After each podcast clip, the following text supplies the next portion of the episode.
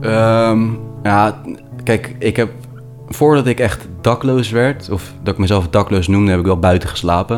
Het was in de zomer, dus het was niet koud. En eh, ik wist heel veel plekjes waar je lekker kon liggen. En eh, dat je in zo'n hele grote ronde schommel ligt. En dat je een kussentje in je nek legt en een dekentje eroverheen. En je duwt die schommel een beetje naar voren en je ligt de hele nacht een beetje heen en weer te gaan.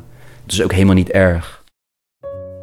Kijk, als iemand je daarna ziet in de ochtend, dan denk je wel bij jezelf: had ik liever niet gewild, maar dat is ook alleen maar omdat andere mensen dan iets over je gaan denken.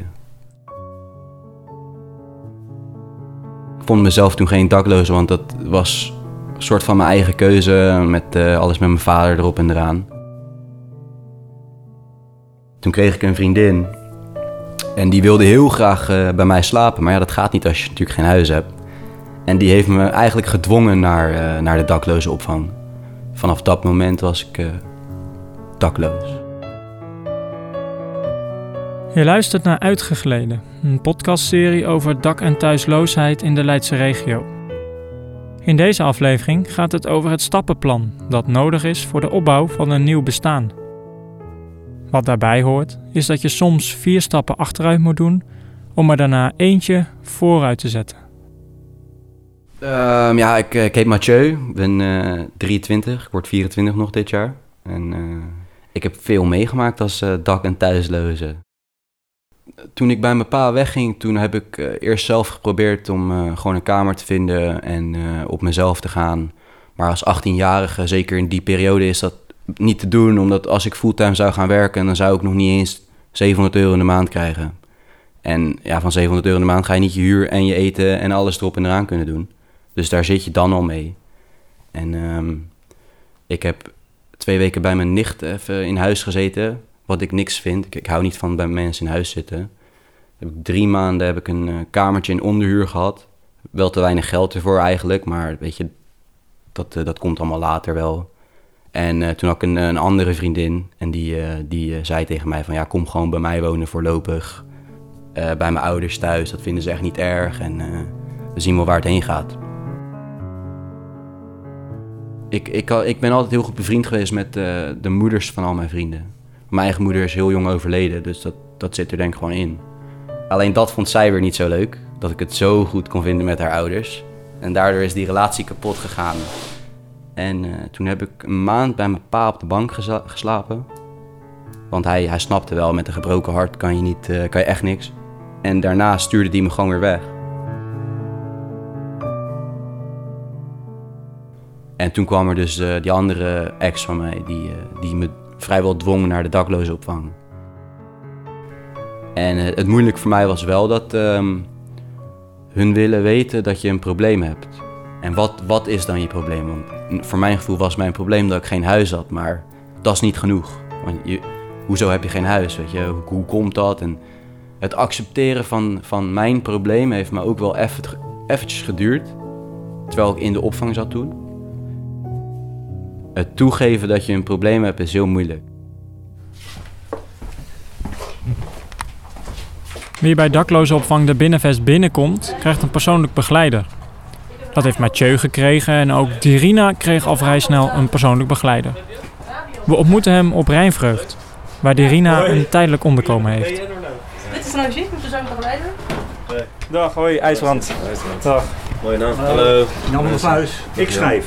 We zijn uh, van Sleutelstad, Oh, uit uit Leiden. Oh, leuk. En uh, nou, we hebben contact met Roel die hier beneden woont. En Ja. nou, sinds kort ook met Irina. Een beetje huiselijk nou eindelijk. Ja. Ja, ja joh. Want hoe lang uh, hebben jullie normaal een afspraak? Even voor mijn beeld. Ja, het ligt, het ligt er soms, soms anderhalf uur, soms twee uur, soms een uur. Ik denk dat het wel belangrijk is om haar zeg maar, ook weer dingen zelf te leren en tools aan te leren voor, voor later. Want goed, weet je, op een gegeven moment ben ik ook weg. En het is Ja. natuurlijk de bedoeling dat de hulpverlening af is. Weet je, dat is natuurlijk het ultieme doel. Dat gaan we vandaag graag doen. Uh, financiën. Ja, bij jou verzekering aanvragen even. Ja. Ehm, ehm, wat papierwerk opvragen voor de Stadsbank vrijdag. Die heeft enorm veel papierwerk nodig en dat is natuurlijk bij mij allemaal vernietigd. Dus we moeten alles weer opvragen en het overzicht van de schulden, dat is natuurlijk ook nog eh, er niet, zeg maar. Niet eens bij mij, dat staan bij een ander. Dus dat, eh, ja, nu komen ook de- brieven van de schuldseisers binnen, langzaam. Ja, omdat je natuurlijk een postadres hebt. Ja. Dan komt in één keer alles weer binnen, zeg maar. En dat krijg jij dan allemaal? Ja, dat krijgen wij zeg maar bij de, bij de binnenvest krijgen we dat binnen. En dan, eh, ja, dan maken we dat vaak samen open. Als Ja. ze dingen niet begrijpt, kan ze altijd bellen of eh, vragen stellen tijdens onze afspraak. De map met post is dik. Dirina wil ons graag een nogal opmerkelijke brief van de gemeentelijke stadsbank laten lezen. Maar al bladerend komt ze eerst allerlei andere correspondentie tegen, waar ze wel van opkeek. Uw huidige contactpersoon werkt niet meer bij de Stadsbank. In deze brief leest u wat, wat dit voor u betekent. Oh, dit is de uitnodiging voor een persoonlijk gesprek bij UWV. Ja, ze, hadden het ook, ze plannen het ook voor jou, hè? Je wel, eh. ja, ja, ja, ja. Maar dat kan ik helemaal niet. Dit is trouwens volgens mij die... eh, Kijk, hier ook. Klant is, een, klant is een alleenstaande moeder van één kind. 2014. Oké. Ehm, klant is door... Integrale hulpverlening, ja. Klant is doorverwezen naar een schuldhulpmaatje. En ook nog aan te leveren stukken bewijs, aanmelding, de breider, verslaving, zorg. Klant die dient deze met succes af te ronden. Maar even kijken, dit is dan het plan van aanpak. Ja. Eh, dan staat in dat ik een kindje van vijf heb. heb ik niet, maar goed. En dat ik naar de breider eh, moest. Moet. Verslavingszorg. Ja. En dat ik eh, een schuldhulpmaatje krijg. Maar wat, ik weet niet eens wat het is. Hier staat wel jouw naam erboven. Ja. En mijn adres. En juist adres. Het gaat helemaal nergens over. Ik heb getekend voor eh, gezien en niet akkoord. En toen heb ik zo het plan terug, teruggestuurd. En eh er is nu heel wat verwarring, denk ik, daar gaande. Waarom ik niet akkoord ga met het plan van aanpak. Maar eh, nou, ik vraag me af of Ja. ze niet eh, twee, twee dingen door elkaar... Maar dat bedoel ik dus, weet je wel. Dat, dat kan toch niet? Het is een gesprek van een half uurtje. En dan gaan ze, willen ze weten van voor naar achter wie jij bent en hoe het is ontstaan. Maar dat kan toch niet in zo'n korte tijd? Nee, kijk, we zijn twee minu- 22 minuten nu aan het praten. We zijn net begonnen, zeg maar. Ja, precies. En dat is wel. eh, dat, dat- nou, ik vind het zo slecht iets. Dat En daar, daar zit je ook juist misschien... Kijk, het kan nog gebeuren als je een helemaal stabiele situatie... en je bent rustig thuis en je denkt... hé, hey, wat krijg ik nou toch? ja. Maar juist op het moment dat je... In ieder geval kan ik me voorstellen... als je die hulp het hardst nodig hebt... dan, wil je ook, dan, dan hoop je daar ook het meest op... dat het allemaal goed gaat in één keer. Nee, ja, je hebt toch wel te maken met professionals, eh, heb ik het, denk ik. Althans, dat is dus wel waar ik vanuit ging. En als er bijvoorbeeld zulke fouten worden gemaakt, ja, dat heeft wel. Als je dan akkoord gaat met een plan van aanpak dat je naar de breide gaat, ja, dan zit je er wel aan vast. Terwijl je dat helemaal niet wil of helemaal niet de afspraak is. helemaal niet nodig is misschien. Nee. En ook ehm, als je een kind van vijf hebt, ja, dan stel je voor je zou akkoord gaan. Dan gaan ze al die jaren van ja, maar jij bent akkoord gegaan dat je een kind van vijf hebt. En dan krijg je misschien zelfs kinderbijslag op een gegeven moment. Nou, ze vroegen wel waar de kinderbijslagpapieren waren. Ik zeg, van wat dan? Ja, je hebt toch een kind van vijf? Ik zeg, nou, ik heb gezocht, maar ik kan me niet meer herinneren dat ik eh, een kind heb uitgeperst ergens vijf jaar geleden. Het verschilt ook per jongere, weet je. De een, zij heeft blijkbaar heel veel papierwerk nodig omdat alles was vernietigd. Ja, dan begin je echt vanaf nul. Dus eh schuldeninventarisatie maken eigenlijk. Adreswijziging was stap 1. Huisvesting was stap 2.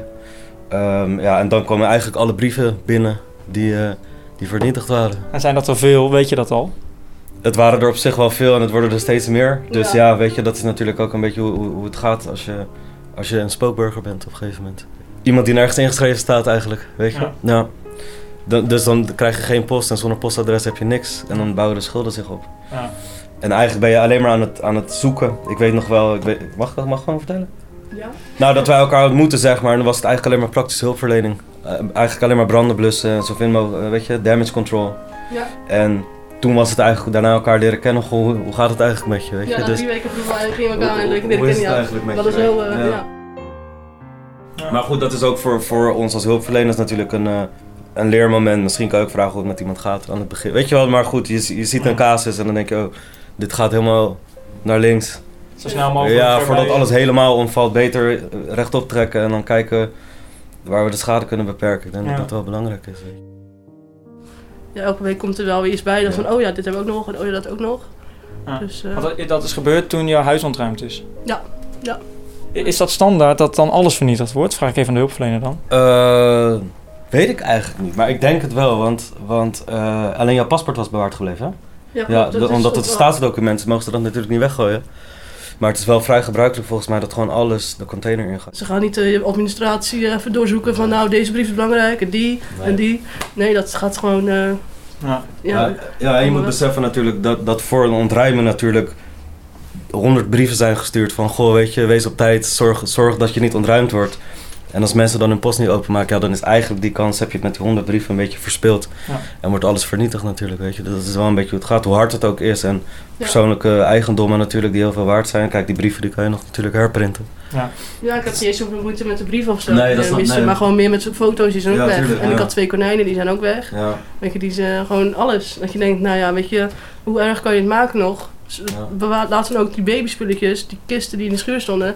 Geef dat nu ook gewoon naar mij terug en gooi dat niet weg. Wat, wat heb je daar aan dan om het weg te gooien? Dat zijn dingen waarvan ik denk, ja, weet je, trapt er dan nog niet nog een keer zo, ver, zo hard achteraan. Dat is wel waar, we best wel, waar ik best wel moeite mee heb, zeg maar. Het is ook moeilijk uit te leggen eigenlijk om... eh, maar goed, je moet indenken dat, dat nou, nu hebben jullie alles gewoon. En dit, vijf minuten later, dat het alles maar weg is. En dan, ja, dat is wel, eh, ik weet niet. Ja, je moet echt een nieuw leven opbouwen.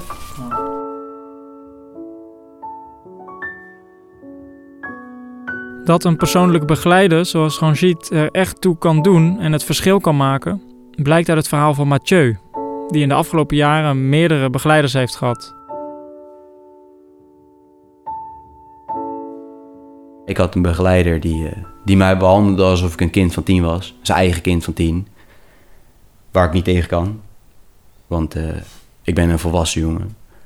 En eh, veel problemen mee gehad. En eh, elke keer als we in gesprek kwamen voor schulden of dingen regelen... dan kreeg ik te horen, doe het maar. In plaats van, oké, we gaan het samen zo doen. Nee, doe het maar. Ik zit ernaast.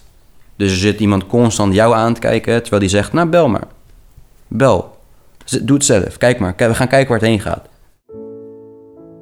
Maar ik weet dat als ik dat alleen doe, gaat het fout. Want als jij een schuldeiser belt met... eh, ja, ik heb schulden, eh, ik wil eh, betalingsregeling treffen... maar ik heb nu geen geld, dus ik kan nu niet zeggen hoeveel... dan gaan hun zeggen, ja, dat is een probleem. En die man weet precies hoe je dat moet oplossen, maar ik niet. Maar toch, toch zeggen ze daar, doe het zelf. Nou, toen heb ik uiteindelijk gezegd, van, ik heb liever een andere begeleider... want dit werkt niet voor mij kreeg ik daar een nieuwe begeleider. En het eerste wat die nieuwe begeleider tegen mij zei is... Je hoeft niks te proberen. Je vorige begeleider heeft me alles verteld. Eén fout, je bent eruit. En eh, toen, kwam, eh, toen, kwam, toen kreeg ik afspraken.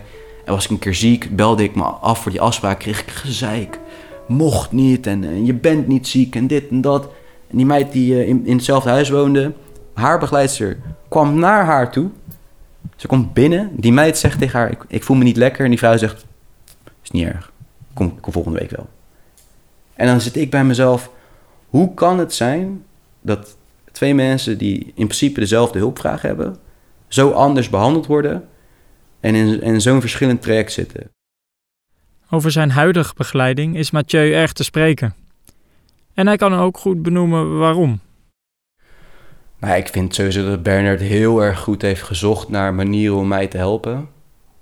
En dan niet per se het, helpen als, eh als eh uitgelicht woord nemen, maar gewoon, eh, hij heeft goed gekeken naar wie ik ben. En, en, en wat, wat ik verwacht en wat ik wil en, en wat ik kan hebben en wat ik niet kan hebben, weet je. Dat, eh, dat is belangrijk. Alleen het er zijn is voor mij heel veel. Het, het, het vertrouwen wat hij me geeft is voor mij heel veel. En op het moment dat ik een fout maak, dan kan ik naar hem toe en dan lost hij het wel met me op. Maar ik krijg wel de, de tijd en de ruimte om alles uit mezelf te proberen. Nou ja, kijk, hij is wel eh, op het moment dat het voor mij te veel wordt, dat ik een brief van de ene instantie krijg en van de andere en, en nog een brief daarnaast met allemaal schulden of, of, of rekeningen die, waar ik helemaal niks van afwist of niks van snap, dan lost hij dat op. Weet je, dat, dat, zo is hij wel. Hij weet precies wat hij moet doen. Maar hij, hij wil wel dat ik het zelf ook snap. Als er een jongere komt met een hulpvraag, vind ik dat je heel goed moet kijken naar hoe, hoe degene met de hulpvraag klikt met zijn begeleider. Want als er geen klik zit, dan gaat er, gaat er geen schot in de zaak komen. Want ik ga tegenwerken. Sowieso, zonder klik ga ik tegenwerken omdat ik toch denk dat alles wat hij wil fout is. En dat moet je niet hebben. Dus naar mijn ogen kan je beter, heb ik ook, heb ik ook bij de Binnenvest gezegd, als er een nieuw jongen komt, geef hem de keuze uit alle maatschappelijk werkers.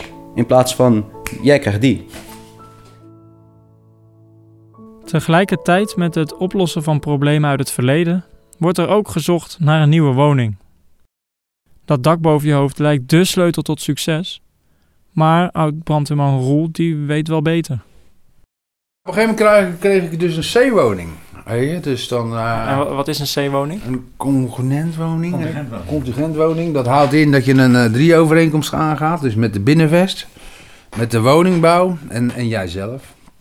Weet je, dus met bewindvoering of anderzijds. Dus dat, eh, dat ga je aan voor een periode van twee jaar. Dus een begeleiding dus met, van de binnenvest. En dat was wel even een pittige pil. Je, wat je als je bij de papegaai zit, het enige wat je wil is weg. Je wil weg. Naar een eigen woning of... eh, Gewoon weg daar. hoor. Het is gewoon een, eh, het is niet, geen leuke plek. Weet ondanks je. dat je het oké hebt gehad. Meer ook niet. Weet je, het is goed dat er is hoor. Het is echt wel goed dat het er is. Weet je. Laten we dat voorop stellen. Maar je wilt daar gewoon weg. En dan ben je blij met je woning in Noorderhout. Maar dan.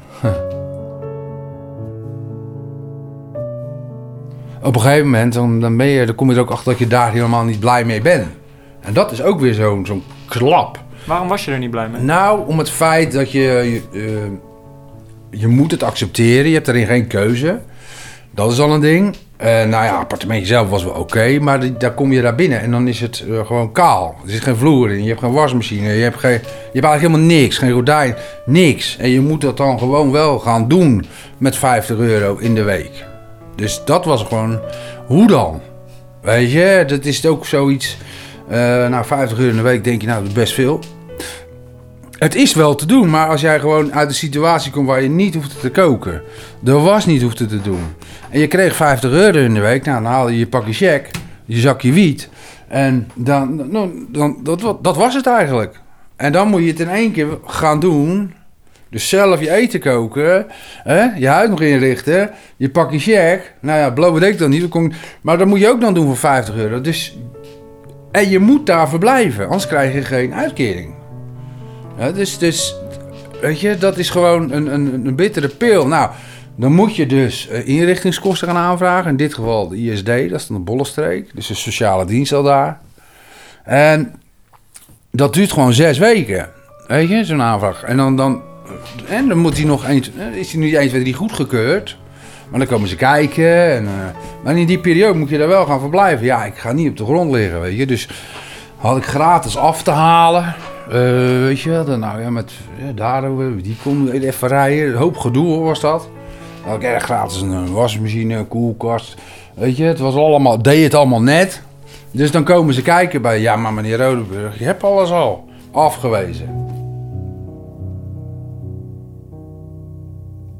En dan ben je zoiets van, jezus man, dan zit ik hier nog op een beton. En Carola was zwanger, die eh, zat bij de, bij de bereider. En, nou ja, je wilt toch een leuk huisje hebben. Dus ja, dat, dat ging geld maken.